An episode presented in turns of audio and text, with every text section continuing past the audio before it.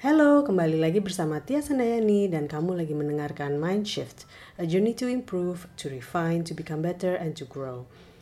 Nyambung ngobrol lagi bersama Rizal Iwan, generasi X yang memilih untuk self-employed. Sebelumnya di part 1 kita diajak untuk mengerti pembagian waktu bekerja dan berkarya.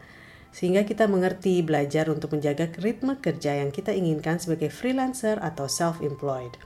Di part kedua ini, kita akan belajar bagaimana akhirnya Rizal siap untuk naik kelas melalui pilihannya untuk berkarya, baik melalui perjalanannya sebagai penulis buku, juga melalui pengalamannya yang ikut terlibat dalam drama production di Washington DC.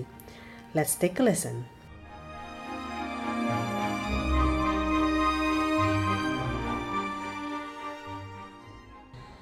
Oke, ngomongin sukses terakhir-terakhir ini kayaknya uh, go internasional nih.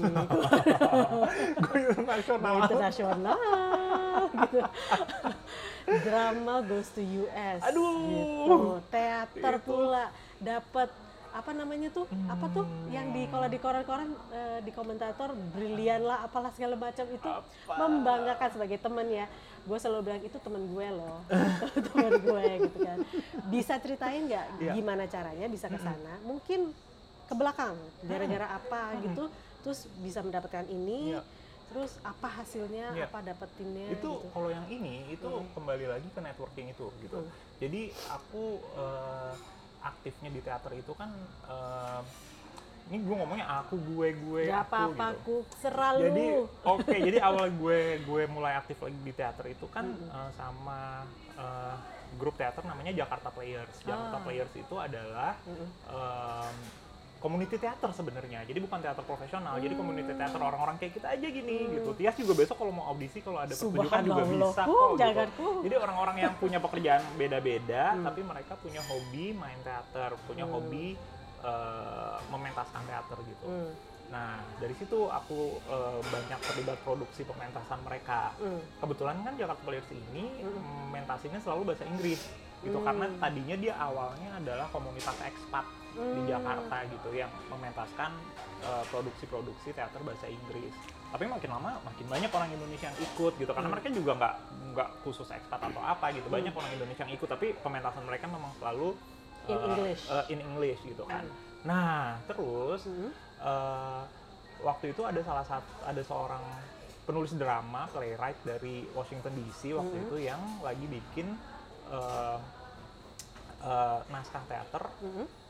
tentang kehidupan di Indonesia gitu hmm. tentang kehidupan misionaris hmm. uh, di Riau waktu hmm. itu uh, nah jadi dia ke sini untuk riset dan dia untuk uh, dan dia juga bikin reading hmm. uh, untuk apa untuk dapat feedback gitu kayak FGD gitu loh jadi hmm. ada penonton jadi biar dia bisa dapat feedback untuk untuk dia memoles naskahnya itu sebelum dipentaskan di premier. Hmm. Nah, ketika dia ke sini dia mencari kontak kira-kira siapa ya yang uh, uh, bisa uh, bisa uh, bekerja eh, sama gue untuk untuk mengorganize reading ini segala macam. Organize ya? Untuk uh, untuk organize reading ini uh, dan itu waktu itu sama Jakarta Players gitu. oh. gitu. Karena ada salah satu orang Jakarta Players yang memang sudah kenal sama playwright hmm. ini sebelumnya gitu loh.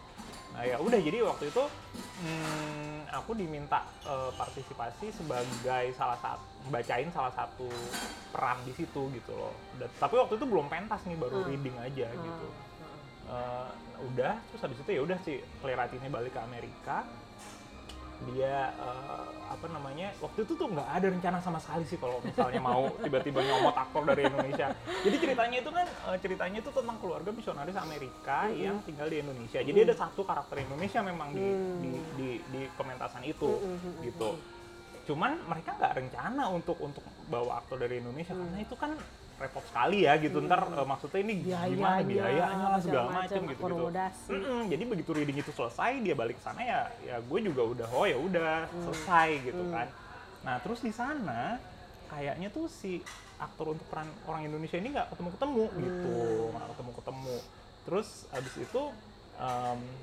kan waktu reading itu kan ada dokumentasi tuh ada dokumentasi Uh, terus akhirnya dia nunjukin itu ke sutradaranya. By the way hmm. ini kemarin ada aktor di Indonesia yang kemarin reading jadi peran ini, peran hmm. Yusuf ini gitu. Hmm. Coba deh take a look gitu kan. Hmm. Terus ya ternyata itu emang jadi video audisi aku oh. gitu. gitu terus cuman kan tetap aja ada ya. hmm, tapi kan tetap aja ada ada wah kita harus nerbangin dia ke sini Hmm. ntar akomodasinya Hmm. gimana gitu nah waktu itu mereka iseng approach eh, kedutaan besar eh, Indonesia Oh. di sana kalau kita membawa aktor dari Indonesia buat mentas ini ini Hmm. kan eh, playnya tentang Indonesia nih kalau kita bawa satu aktor Indonesia ke sini Hmm. mau nggak ya kira-kira disponsorin tiketnya Oh, ternyata oh. mau Oh, gitu Alhamdulillah. ya udah akhirnya ya aku ditawarin peran itu terus ya udah deh ke sana Ke sana. Pengalamannya kayak gimana tuh, Ku? aduh pengalaman sih pertama eh, serem ya karena kan gini loh aku kan bukan, Bukan aktor excited. excited pasti seremnya lebih banyak seremnya sih waktu itu karena gini karena aku kan bukan aktor profesional Oke. di sini juga mentas teaternya tuh eh di sini mentas teater itu community teater aja Hmm. apa pementasan teater amatir Hmm, gitu kan hmm, hmm. Eh, terus ke sana ketemunya aktor-aktor yang udah dueng-dueng Hmm. gitu yang udah udah udah profesional dan Hmm. udah beneran aktor Udah gitu ke mana-mana. Heeh, bener aktor or- dan keluar dari comfort zone banget jadi kan waktu itu di di di lingkungan yang kita nggak familiar Iya, karena iya. sistem latihan juga di sana beda sama latihan Heeh. teater di sini jadi banyak hal-hal yang itu jadi Heeh. Sendirian ya kamu ke sana waktu itu sendiri? sendirian Heeh. sendirian gitu. gitu bener-bener ya udah cuman waktu itu sih mikirnya gini aja sih. Em, mungkin ini waktu itu yang jadi mantra aku tuh gini. Hmm. ya mungkin akan akan uh, mungkin emang banyak aktor-aktor lain atau orang-orang lain yang bisa melakukan ini lebih baik dari lo. Hmm, hmm, hmm. pasti ada gitu. Di sini kan banyak lah. Di sini kita nggak kekurangan aktor bagus kan gitu. Kenapa tiba-tiba siapa nih orang gitu? Kenapa tiba-tiba dia yang ke sana gitu kan? Pasti kan banyak yang bisa melakukan ini lebih bagus dari lo. Cuman intinya apa namanya yang yang intinya adalah ya yang dapat ini lu. Jadi ya mau nggak mau ya lu harus jadi lu maju aja gitu. Lu either maju atau lu, lu mundur. embrace it. Mm, gitu. Jadi yang yang bakal melakukan lebih bagus dari lu banyak. Iya. tapi masalahnya yang dapat lo nih gitu. ya udah lu lu ya udah Jalanin. iya Do do with your best. with ah, do your best aja do with it with what you can gitu terserah deh orang mau ngomong apa ya udah kira ya udah belaga gila aja ya udah Belaga gitu gila. terus ya gitu gitu Heeh. dan alhamdulillah sih mereka di sana sangat-sangat suportif Oke. eh, lingkungan teater di sana gitu Itu jadi musim apa tuh waktu itu? waktu di sana tuh waktu itu ngerasain tiga musim kan lama Oh, di sana oh, iya. jadi dari proses prosesnya latihan lama? eh pokoknya aku di sana tuh tiga bulan aja tiga bulan. Dari pertama jejak ke sana untuk latihan segala macem dan pentasnya waktu itu kan eh, lima minggu lima Ya minggu latihan lima minggu pentas seminggu Kayak gitu ya kali. teater ya ternyata ya. Iya, dan itu tuh masih yang teater kecil loh sebenarnya di Washington DC. Jadi jangan jangan jangan anggap ini kayak Broadway atau apa ya. Itu bener-bener teater kecil aja gitu. Anggap aja latihan buat Broadway ku. Amin. Amin. gitu. Jadi ya ya gitu sih. Hasilnya gimana menurut mereka? Hasilnya Tentang kamunya dan tentang si Uh-uh. eh, dramanya. eh, yang bikin seneng sih adalah pertama ya kita kita harus memuaskan sutradara lah ya pastikan sama tim yang di sana kan. Hmm. Alhamdulillah Sutradara sih, atau penonton? eh, kalau aku sih justru sutradara sih. One Oke. sutradara oke dengan hasil kerja lo. Uh-huh. Karena gini loh penonton kan banyak kita nggak bisa kontrol pendapat Oh, orang gitu kan. Oke. Jadi aku sih berpegangannya adalah one sutradara puas dengan hasil kerja lo, Mhm. It means you're doing the Good. right thing gitu, Oke. Nah, you're doing good gitu. Oke. Uh, baru abis itu mikir ntar gimana. Dan di sana itu uh, yang bikin kadernya lagi adalah di sana tuh kan ada review-review kan, Uh-uh, uh-uh, ada uh-uh. review-review deh. Uh-uh, Jadi uh-uh. maksud dan review itu tuh berpengaruh untuk penjualan tiket berpengaruh untuk nanti di at the end itu ada ada award juga lagi untuk itu ah gitu jadi jadi pokoknya banyak ininya lah Uh-uh, banyak tekanan gitu Uh-uh. Uh, jadi cuman aku pegang aja as long as sutradara puas Uh-uh. dan uh, apa namanya uh, teman-teman di produksi lo itu puas sama kerja lo mereka kita bisa kerja dengan baik dan solid Mm-mm. it means you're there gitu Hmm. setelah itu lo nggak bisa kontrol gitu Oke. nah tapi untungnya Uh. untungnya sih uh, penonton juga banyak yang suka penonton banyak yang suka dan penonton di sana tuh sangat ekspresif gitu jadi Hmm. mereka tuh nggak segan-segan jadi kalau misalnya aku habis satu pementasan ya satu Hmm. malam terus aku keluar gitu jalan kan di sana aku jalan tuh kan karena teater sama tempat aku nginep tuh Hmm. Dekat Oh dekat. Hmm, jalan. jadi aku jalan kaki Oh, Oke. ya udah jalan gitu terus mereka tuh nggak segan-segan untuk mereka lagi di kafe tiba-tiba mereka keluar eh by the way aku tuh dinonton thank you ya for the performance you're so gay gitu gitu jadi kayak oh. Gitu gitu. Sebenarnya kan kalau di sini kan kita kayak "Ah, aduh ntar kita kayak gitu ntar malah di kenapa nih orang? Gitu. Kan kalau di sana tuh mereka nggak segan-segan gitu apresiasi apresiasinya. very terbuka gitu ya. Itu penonton. Jadi sutradara udah lewat oke penonton udah seneng abis itu baru next stepnya review. Review gimana? Waktu itu tuh re- pas hari review pertama keluar tuh deg-degannya masya allah gitu. Kan kan kebayang kan biasa nah biasa dan ini yang lucu. Biasanya kan aku jadi reviewer film ya. Biasanya aku ngejudge ngejudge orang gitu. dosa ya. Aktor ini aktornya jelek aktor ini. Di sana gue yang di di ini mau di itu tapi untung juga sih untung juga reviewnya bagus-bagus. Bagus bagus di, di media sana oh. dan ini media lokal ya. Dan ini Washington DC jadi again jangan anggap ini Broadway dan nation nationwide atau apa. Tetap membanggakan tetap membanggakan. Tetap me- memuaskan. Jadi maksudnya nah ini uh, gue juga menganggap ini proses naik kelas juga sih sebenarnya gitu. Hmm. karena um, keluar dari comfort zone Hmm. dikasih nah di sini nih kayaknya nih yang akhirnya dikasih tanggung jawab lebih dikasih uh, beban stres lebih. Cuman bedanya dari karir gue yang dulu bedanya di sini gue ambil sih gitu biarpun this is, biarpun ngeri ya passion gitu kan Hmm, karena I know uh, you want this so I know you want, I want this so bad. I know they didn't uh, mereka nggak akan milih lo kalau mereka nggak percaya lo bisa kayak Hmm. gitu-gitu. Jadi ya ya udah. How do you deal with anxiety? Karena ini proses naik kelas kan proses ya, nggak bisa lo naik kelas dari kelas 1 sampai kelas 2 tuh langsung trot gitu kan nggak mungkin. How do you deal with that anxiety? Terus yang paling parah itu adalah sebenarnya adalah ya itu yang yang yang crawling di dalam eh, apa di dalam kepala lo yang aduh bisa nggak ya aduh bagus nggak ya aduh apa apa yang mereka ngomongin ya apa segala macam tuh Iya. how do you deal with things like that gitu loh Kalau gue pribadi sih support system dari orang-orang terdekat sih Hmm. gitu. Jadi kayak ada uh, orang-orang yang memang uh, opinionnya sangat-sangat gue respect Hmm. gitu. Jadi again kan tadi kita nggak bisa ngontrol opinion orang ya dan orang tuh di sini kan banyak banget gitu kan. Kita nggak bisa mem- membuat memuaskan semua orang Hmm. gitu. Cuman ada orang-orang terdekat yang opinionnya sangat sangat gue respect gitu. Jadi Hmm. um, kalau misalnya gue mulai insecure atau apa ya Hmm. gue ngomong ke orang-orang terdekat ini dan kalau mereka bilang enggak tuh lu pasti bisa kok gitu. Lu ini aja gitu. Uh, Hmm. ya itu yang jadi jadi pedoman lo ya, Ah, yang membuat menjadi penenang dan penyemangat Mm-mm, sekaligus mm-mm. gitu ya. uh, terus kalau misalnya ada omongan-omongan miring atau apa gitu Heeh. ya udah misalnya curhatlah ke si orang terdekat ini terus dia bilang ya apa namanya ya lu nggak akan bisa mengontrol itu gitu. Tapi sekarang maksudnya lu puas nggak sama hasil kerja lu gitu. Kalau lu puas ya ini. Jadi Kembali ke diri kita terapi sendiri ya? terapi oh, terapi terapi dari orang-orang terdekat sih kayaknya Oh. dealnya kayaknya tuh gitu sih Oke, itu soal drama. Soal buku nih kok banyak yang pengen jadi penulis buku. Prosesnya tuh kalau kamu sendiri gimana sih?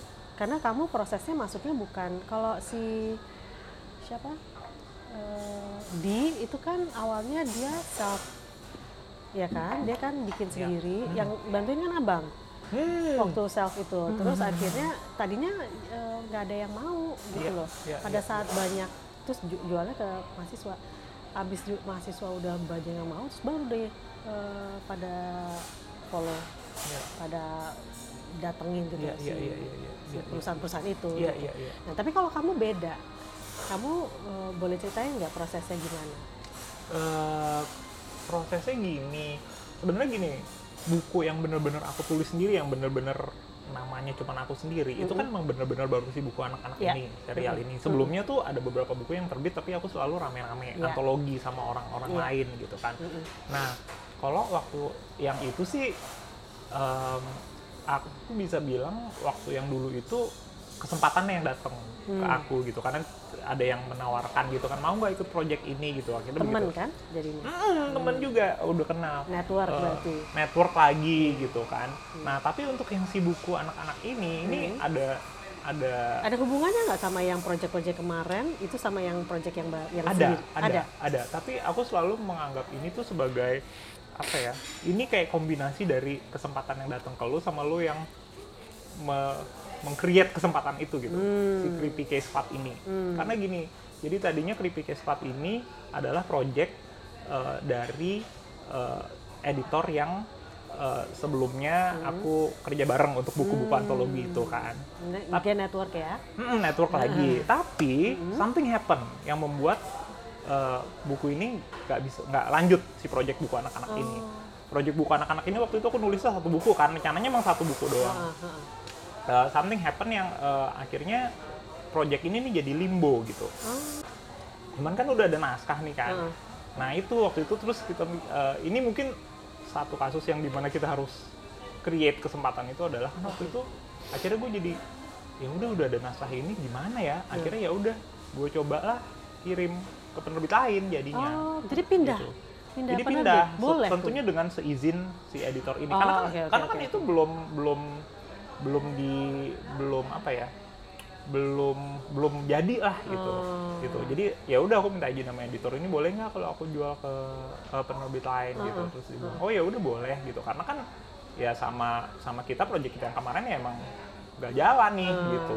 soalnya sayang kan ada naskah ini. Uh-uh. ya udah akhirnya coba gue jual ke penerbit lain.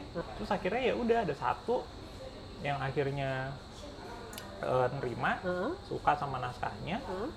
Nah terus dia nantangin "Eh, ini kayaknya ceritanya eh, bagus untuk dijadiin seri nih dia bilang gitu. Eh, apa namanya Eh, nah penerbit ini kan di divisi penerbit ini udah ada serinya kan seri Ah. buku anak-anaknya. Ah. terus nah ini mas maunya gimana? Mau kita eh, mau ngikut seri ini aja Heeh. apa mau dijadiin seri sendiri? Dia bilang gitu. Kalau mas mau dijadiin seri sendiri mas harus nulis satu buku lagi. Hah, gitu baru bisa terbit gitu aduh tuh kan. Dan sebenarnya kan gue ini penulis yang sangat lambat gitu loh. Yang kayaknya tuh lambat banget gitu. Sangat-sangat dibandingin sama penulis-penulis produktif tuh beda lah gitu. Lagian maksud- naik kelas lagi ya, aku. dia naik kelas lagi itu dia sih. Jadi maksudnya waktu itu akan sangat mudah. Waktu itu gue sangat-sangat tergoda untuk udahlah ikut aja lah sama seri yang udah ada gitu kan gitu kan yang penting terbitnya cepet gitu kan, gitu yang penting gue ngerasain ada satu buku pakai nama sendiri gitu kan. Heeh. terbo itu gampang banget waktu itu. Cuman waktu itu again gue konsult sama orang-orang terdekat ini terus dia bilang ya kesempatan kayak gini kenapa nggak lu ambil Ambil. sih? Gitu. Tapi kan ini berarti gue harus nulis lagi ya nulis satu buku tuh susah loh dalam ukuran gue gitu. Bisa berapa lama lagi nih gitu kan. Ya tapi kan gini udah ada di depan mata lu Iya. nih gitu masa Iya. lu mau lepasin Iya. gitu nggak semua orang bisa dapet ini Iya. ya udah akhirnya dengan berat hati ya udah gue bilang ke penerbit itu oke deh mbak jadiin seri sendiri tapi saya nulis dulu ya Hebat. terus ya udah akhirnya ya maksa nulis lagi buku kedua itu biar dua buku itu bisa terbit bersamaan untuk jadi seri gitu dan ya ya ternyata strategi penerbitnya betul jadi ke- ketika dalam jadi jadi seri ketika dua buku itu terbit bersamaan itu daya tariknya akan lebih daya tarik untuk pembaca kan lebih besar gitu dibandingkan dengan satu judul doang gitu Aku dengerin kamu tuh kayak nikmat ya hidup berkarya ini gitu loh. Sekarang, Iya, you're happy. I'm sekarang I'm very happy. Alhamdulillah. Apa sih arti happiness for you? Arti happiness itu buat gue dua sih, kayak dua sisi ya, dua sisi mata uang. Jadi kayak merasa cukup dengan apa yang lu punya, Um, tapi itu uh, merasa cukup dengan apa yang lu punya, tapi juga pingin mencoba hal lain. Tapi bukan karena yang lu punya sekarang kurang, tapi ya karena lu lu pingin pingin ini aja sih pingin melihat melihat lagi Eh, Hausnya tetap ada. hausnya tetap ada tapi lu nggak merasa yang ini kurang gitu. jadi bukan bu- merasa cukup tuh bukan I feel content, but I I still masih dreamingnya masih dreamnya Oh, masih ada. tapi dream dreamnya itu tuh lebih ke lebih ke bukan buk aduh gimana ya gimana? Wow tuh tuh tuh tuh tuh, tuh. dreamnya tuh kan gue selalu gue selalu susah nih mau artikulasi dreamnya tuh bukan karena gue harus ke situ Iya, ya iya, gitu. iya. gue harus ke situ karena gue nggak bisa di tempat ini terus. Gue harus ke situ bukan karena itu tapi lebih karena enaknya begini gue nggak apa kok kalau nggak dapet itu. tapi eh lucu juga ya nyoba yang itu gitu. Iya, lebih jadi nggak ngoyo. nggak ngoyo. Nggak ngoyo nggak. Uh, But you're in the zone Mm-mm. and you still tetap naik kelas naik kelas naik kelas Iya. asal nggak di Gini. Eh, dream curiosity-nya masih ada Ah, tapi eh, kalau misalnya itu nggak dapet mm, ya lu juga nggak jadi stres gitu Ah. karena yang lu punya sekarang menurut lu udah cukup oke tapi lu tetap curious terhadap hal lain buat gue sih itu ya how do you how do you jadi curious terus gitu how do you make it your curiosity or make your dream alive Ah. oh melihat ke atas kah melihat teman-teman perfilman oh enggak sih kalau itu Gitu-gitu? kalau itu terus terang gue enggak Mm, karena gini loh karena gini sekarang itu juga gue sering juga nih ini agak curhat juga sih mm-mm. jadi banyak juga nih ketika sekarang ini kan gue eh, aktif di pementasan teater tapi kan komunitas teater teater Mm-mm. amatir tidak berbayar tapi Mm. membuat gue senang Mm-mm. nah ini kembali lagi nih kembali lagi ada ada kayak ada apa, apa persepsi-persepsi dan tekanan-tekanan dari orang ya. Uh-huh. kalau dulu kan kok lu kalau dulu nih zaman Uh-huh. waktu di advertising. "Oh, lu mau gini-gini aja sih? Lu mau jadi copywriter terus lu Uh-huh. nggak mau jadi CD nggak mau jadi ini. Ternyata di sini ketika lo menjalani hobi lo tekanan-tekanan itu tetap ada loh. Jadi banyak loh yang gini ya. Kok lu nggak mau sih main film ya? Gitu lu nggak mau main film gini-gini ya mm, ya enggak sih kalau misalnya ada ya hayu Ya. cuman kalau nggak ada ini gue udah seneng gini.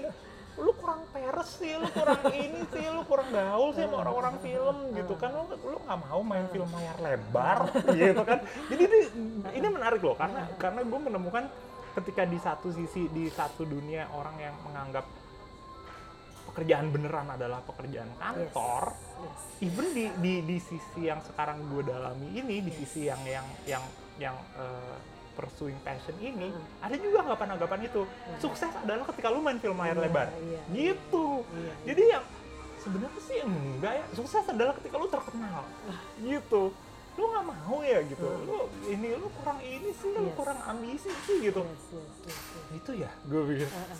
tapi gue seneng sih ya sama Iya. si teater gue yang Ah. sekarang ini biarpun eh, orang-orang nggak tahu gue siapa gue nggak dibayar Yes. gitu menurut gue sih gue udah sukses ya karena Yes. maksudnya gue udah udah udah apa udah Udah berhasil ber- berkarya dan karya yang bisa lu banggain bersama komunitas lu Yes. gitu Kalau menurut gue, lo lebih tinggi, bukan kita ngomong derajat atau level ya, tapi Hmm. lebih tinggi karena lo merasakan sukses itu sama dengan bahagia.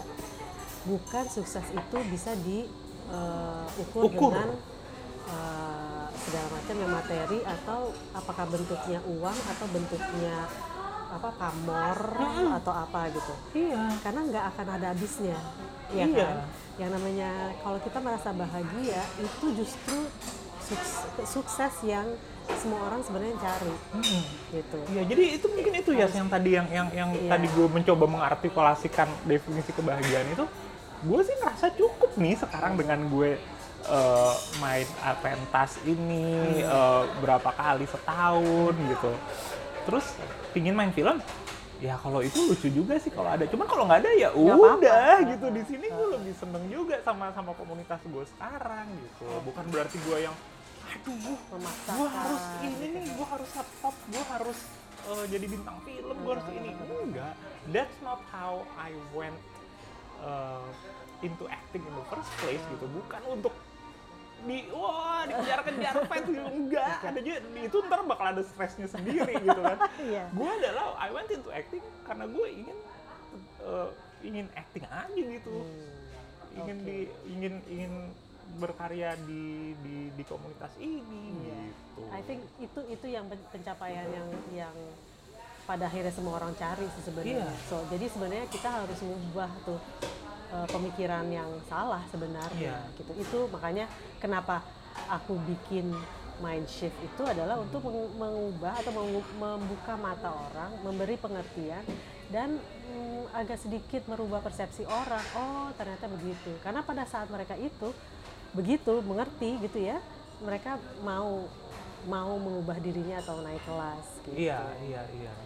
Jadi sih definisi naik kelas di tiap orang beda-beda itu aja Yes. sih intinya Yes. sih. Mungkin yang buat lo naik kelas, mungkin buat orang yang ini enggak. Beda. Buat yang orang ini Beda. di situ-situ aja mungkin buat orang lain justru itulah keberhasilan dia jadi begitu sih kalau aku semuanya lihatnya. kembali lagi ke self awareness sama uh, ini uh, care sama diri kita sendiri kita sayang sama diri kita sendiri kan iya iya iya gitu oke Kung thank you so much nih apa buku yang terakhir tuh yang creepy creepy case club. Creepy case club itu buat anak kecil ya? SD buat anak SMP preteens. Iya iya iya buat SD Iya SMP kan? buat anak nyari umur. insight-nya susah nggak tuh?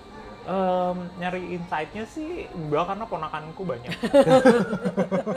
Ngeliatin dia jadi aja. nyari, jadi nanya jadi ngobrol sih sama mereka. Karena kan ini eh, tokonya anak umur 10 tahun gitu jadi ngobrol. Karena kan Hmm. kita generasi X kita udah terlalu lama lepas dari SD kayak SD sekarang ngapain aja sih kalau dulu kita ini kan jadi it's all about mencampur nostalgia kita sama apa yang terjadi sekarang gitu aja sih gitu Tapi mungkin kedisiplinan kamu untuk mencari insight dan menggali lagi dari copywriting, pengalaman copywriting dari pengalaman di advertising juga mungkin ngebantu kali ya. membantu sekali sih Iya. karena karena ya iya sih karena ini kita menulis Structure, kayak gitu-gitu ya. Hmm, kita menulis eh, apa namanya structure, target market gitu kan, gitu kan kita menulis untuk pembaca preteen, pembaca anak-anak ya. Kalau anak-anaknya nggak bisa relate sama ini ya Iya. udah dong gitu. Kalau orang dewasa yang relate ya salah dong kita ininya gitu. Jadi bisa disimpulkan dari semua 20 tahun kita bekerja dan berkarya, Nggak sia-sia. pastinya nggak sia-sia. Nggak ada yang Semuanya sia-sia ada tabungan untuk ke Nggak depannya. ada yang sia-sia. Dan semua di jalan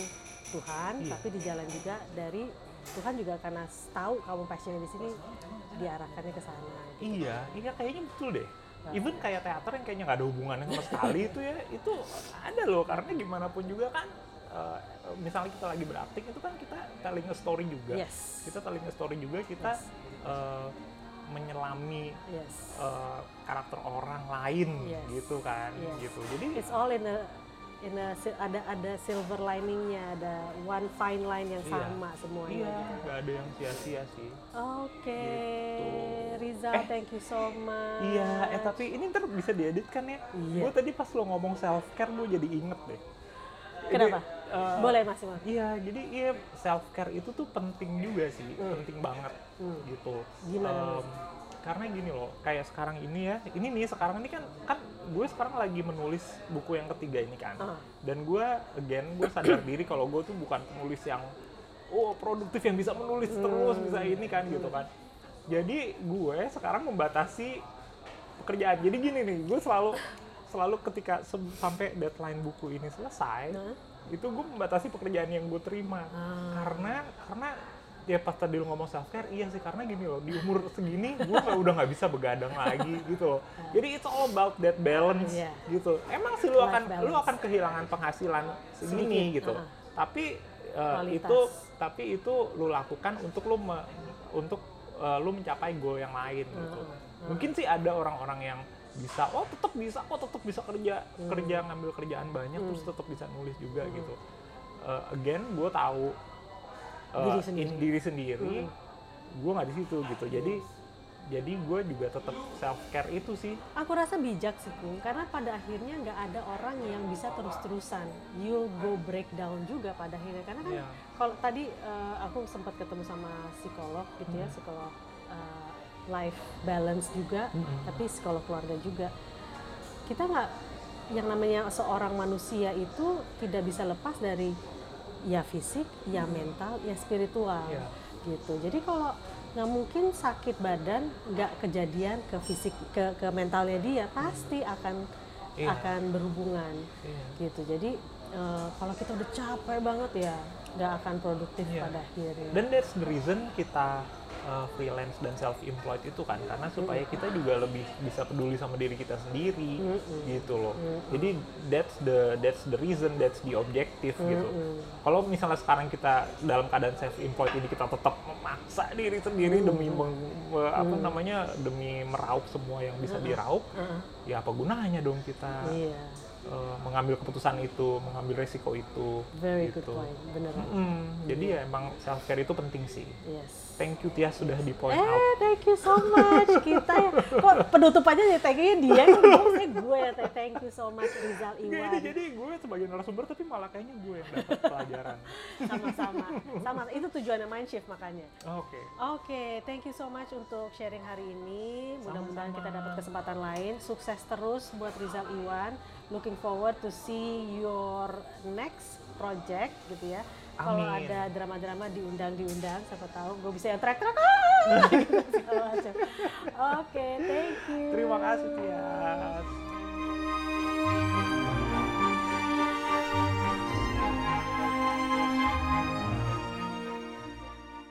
Nah, seneng gak sih dengernya? Mudah-mudahan bagi teman-teman yang punya pikiran yang sama, punya passion dan minat yang sama dengan Rizal dapat terbantu ya. Pemahaman bahwa di mana aja kita bekerja, kerja adalah kerja, dan passion is passion. Tetap dapat hidup dan menghasilkan karya. And there will be a point when you know you're doing good and it will all be worthwhile. Bagi yang tertarik untuk mengenal lebih dekat Rizal, silahkan follow di Instagramnya dia at Rizal Rights. At Rizal Rights. Dalam comment section, saya akan membantu bila ada pertanyaan atas topik ini atau menjadi mediator kalau ada pertanyaan yang ingin diajukan kepada Rizal. Once again, thank you for listening. Stay tuned for the next episode. Bye guys.